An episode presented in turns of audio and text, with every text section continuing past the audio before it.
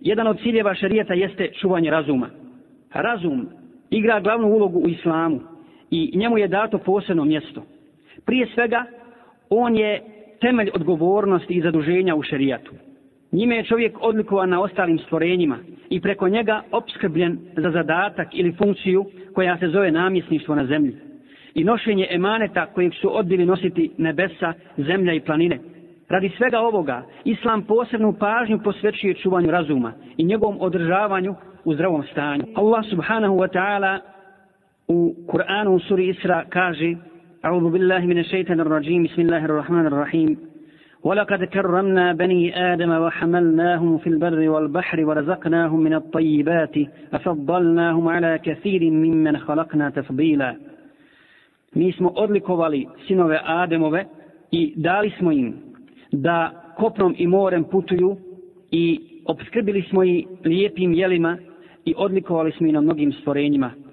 Kaže Abdullah ibn Abbas za ovu riječ وَلَكَدْ كَرَّمْنَا بَنِي آدَمَ Mi smo odlikovali sinova Adem ili čovjeka, odnosno Ademovo potomstvo. Pod ovom odlikom misli se na razum. Dakle, pamet, odnosno razum, je ta osobina i to svojstvo koje posjeduje čovjek i s kojim je on posebno odlikovan za razliku od ostalih bića.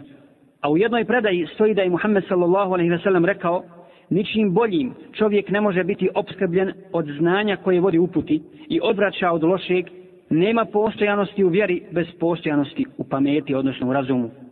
I čovjek svojim razumom raspoznaje dobro od lošeg, lijepo od ružnog, istinu od laži i tako dalje Gdje bi zaštitio razum, Allah Đelešanuhu je zabranio sve ono što će ga pomutiti i oslabiti njegovu snagu. Zabranio je tako sva opojna pića, alkohol, drogu, duhan i slično.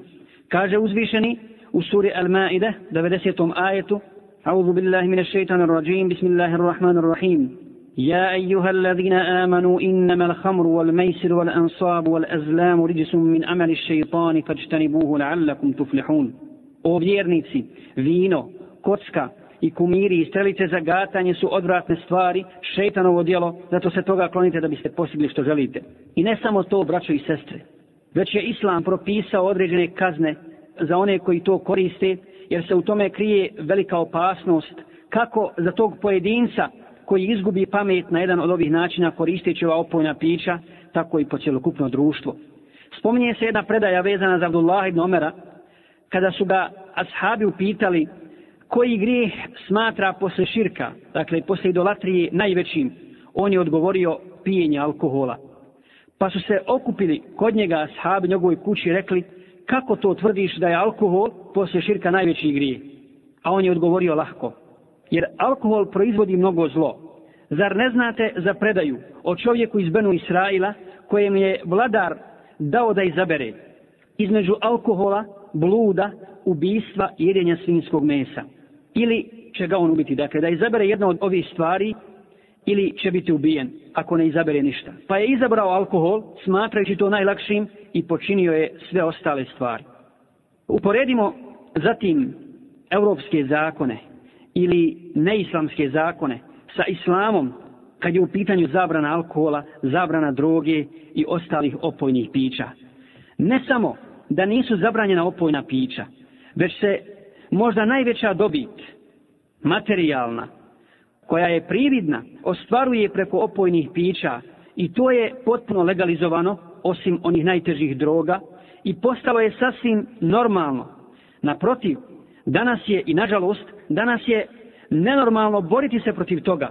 I oni koji zagovaraju borbu protiv alkohola, protiv opijanja, protiv droge i tako dalje, na njih se gleda drugačije, na njih se gleda kao da su s Marsa spali, kao da nisu normalni ljudi i tako dalje. Ljudi nisu svjesni da se onome što je Allah zabranio ne krije osim šteta. I materijalna i moralna. Pogledajte samo kad umni ljudi, bili oni sociolozi ili pedagozi, političari i tako dalje, kada raspravljaju o zabrani droga, koje su sve aktuelne i aktuelne i koje se više uzimaju maha, kako lahko prolazi ideja o legalizaciji lahkih droga. Govorimo o ovim stvarima, braćo i sestre, zbog toga što medicinari kažu da se preko šprice seksualnog odnosa ili i homoseksualnog odnosa najbrže i najlakše širi sida, odnosno se prenosi taj virus. Onda nakon toga se pokušavaju iznaći lijekovi da se zlo spriječi, ali da se put koji vodi do tog zla, zvano sida, uopće ne zatvara. Pogledajte samo jedan podatak. Vlade zapadnih zemalja, a posebno Australija, da bi riješila problem šprica, jer korištenje iste šprice dovodi do zaraze mnogih ljudi. A ti ljudi koji koriste špricu e, nemaju dovoljno para, jer moraju svaki dan kupovati nove. Ove vlade su odlučile da kupuju šprice tim korisnicima kako bi spriječili dalje širenje ovoga virusa.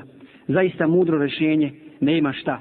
Allah subhanahu wa ta'ala za one kojima je podario pamet i razum, a na ovakav način rezonuju, jer nemaju upute i ne slijedi Allahovo svjetlo, kaže lahum kulubun la yafqahuna biha wa lahum a'yunun la yubsiruna biha wa lahum adhanun la yasma'una biha. Oni srca imaju odnosno pameti ali njima ništa ne razmišljaju. Oni oči imaju ali s njima ništa ne vide. I oni uši imaju ali s njima ništa ne čuju i tako Allah hoće da te zemlje i ekonomski propadnu i da dođu na rub egzistencije trošeći za pronalazak lijeka protiv side i šta primjećujemo kakva je preventiva i zaštita od svih vrsta bolesti. Nema druge preventive i nema drugog lijeka osim slijedjenja puta Islama.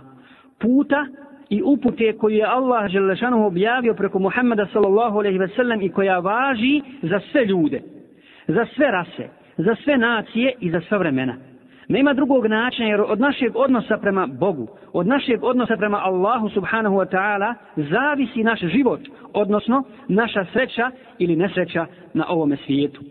Pogledajte kakav je haos nastao i koliko se ulaže u otkrivanje trgovine drogom. Alkohol, mogli bismo slobodno kazati, izgleda više nije uopšte interesantan. Naprotiv, on se reklamira na svakom mjestu, a ne mogu to učiniti nikako. Dakle, ne mogu da nađu pravog puta kako riješiti ovaj problem a vjera to čini preko noći. Jer to je unutrašnji poticaj. Dakle, bez ovog ispravnog odnosa prema životu i bez poznaja Allaha Đalešanuhu nema rješenja problema.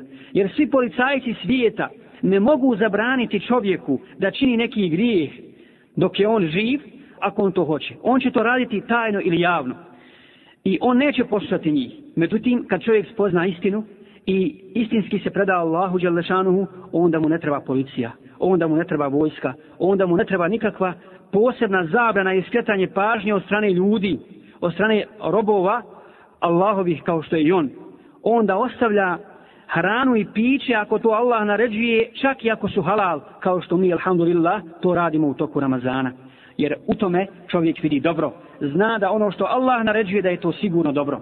I bez toga se duša ne smiruje. Islam odgaja razum na slobodi, i rekli bismo slobodarskom duhu u pogledu razmišljanja, razumijevanja i promatranja i slijedjenja dokaza, a ostavljanje taklida, odnosno slijepog slijedjenja koje nije zasnovano na jasnom dokazu. Ovo je vrlo bitno i vrlo važno. Dakle, Islam kudi i napada slijepo slijedjenje.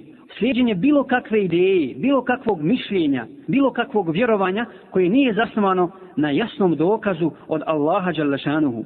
Zato na mnogim mjestima u Kur'anu Allah subhanahu wa ta'ala kaže onima koji pozivaju u nešto drugo mimo Islama. Mimo Islama u kojega su pozivali svi Allahovi poslanici. Mi svjedočimo da su bili svi poslanici muslimani. Allah kaže kul hatu burhanakum in kuntum sadiqin. Reci donesite jasan dokaz za istinu govorite.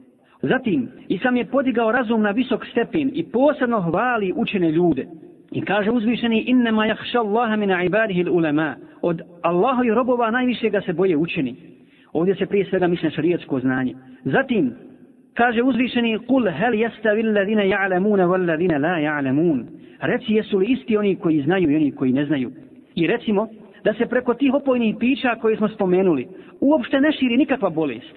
Zar nije braćo i sestre poniženje i zar ne predstavlja pravu degradaciju čovjeka kao ličnosti da sam narušava svoje zdravlje i svoju pamet i da na taj način bježi od života i od odgovornosti s kojom ga je Allah Đelešanuhu zadužio. Takav čovjek, mako on bio, ne može se potvrditi kao konstruktivna ličnost i kao pozitivan član društva. Zato uzvišeni kaže وَلَا تُلْكُوا بِأَيْدِيكُمْ لَتَّهْلُكَ Ne bacajte se sami svojim rukama u propast. Dakle, zbog toga govorimo o ovoj stvari, povezujemo je sa ovom bolešću i ne samo sa ovom bolešću, nego sa svim razvratom koji danas hara među ljudima. Zato kažemo na kraju, potpuna pravdo, istinska srećo, stvarna slobodo i jedina istino, vaše ime je Islam.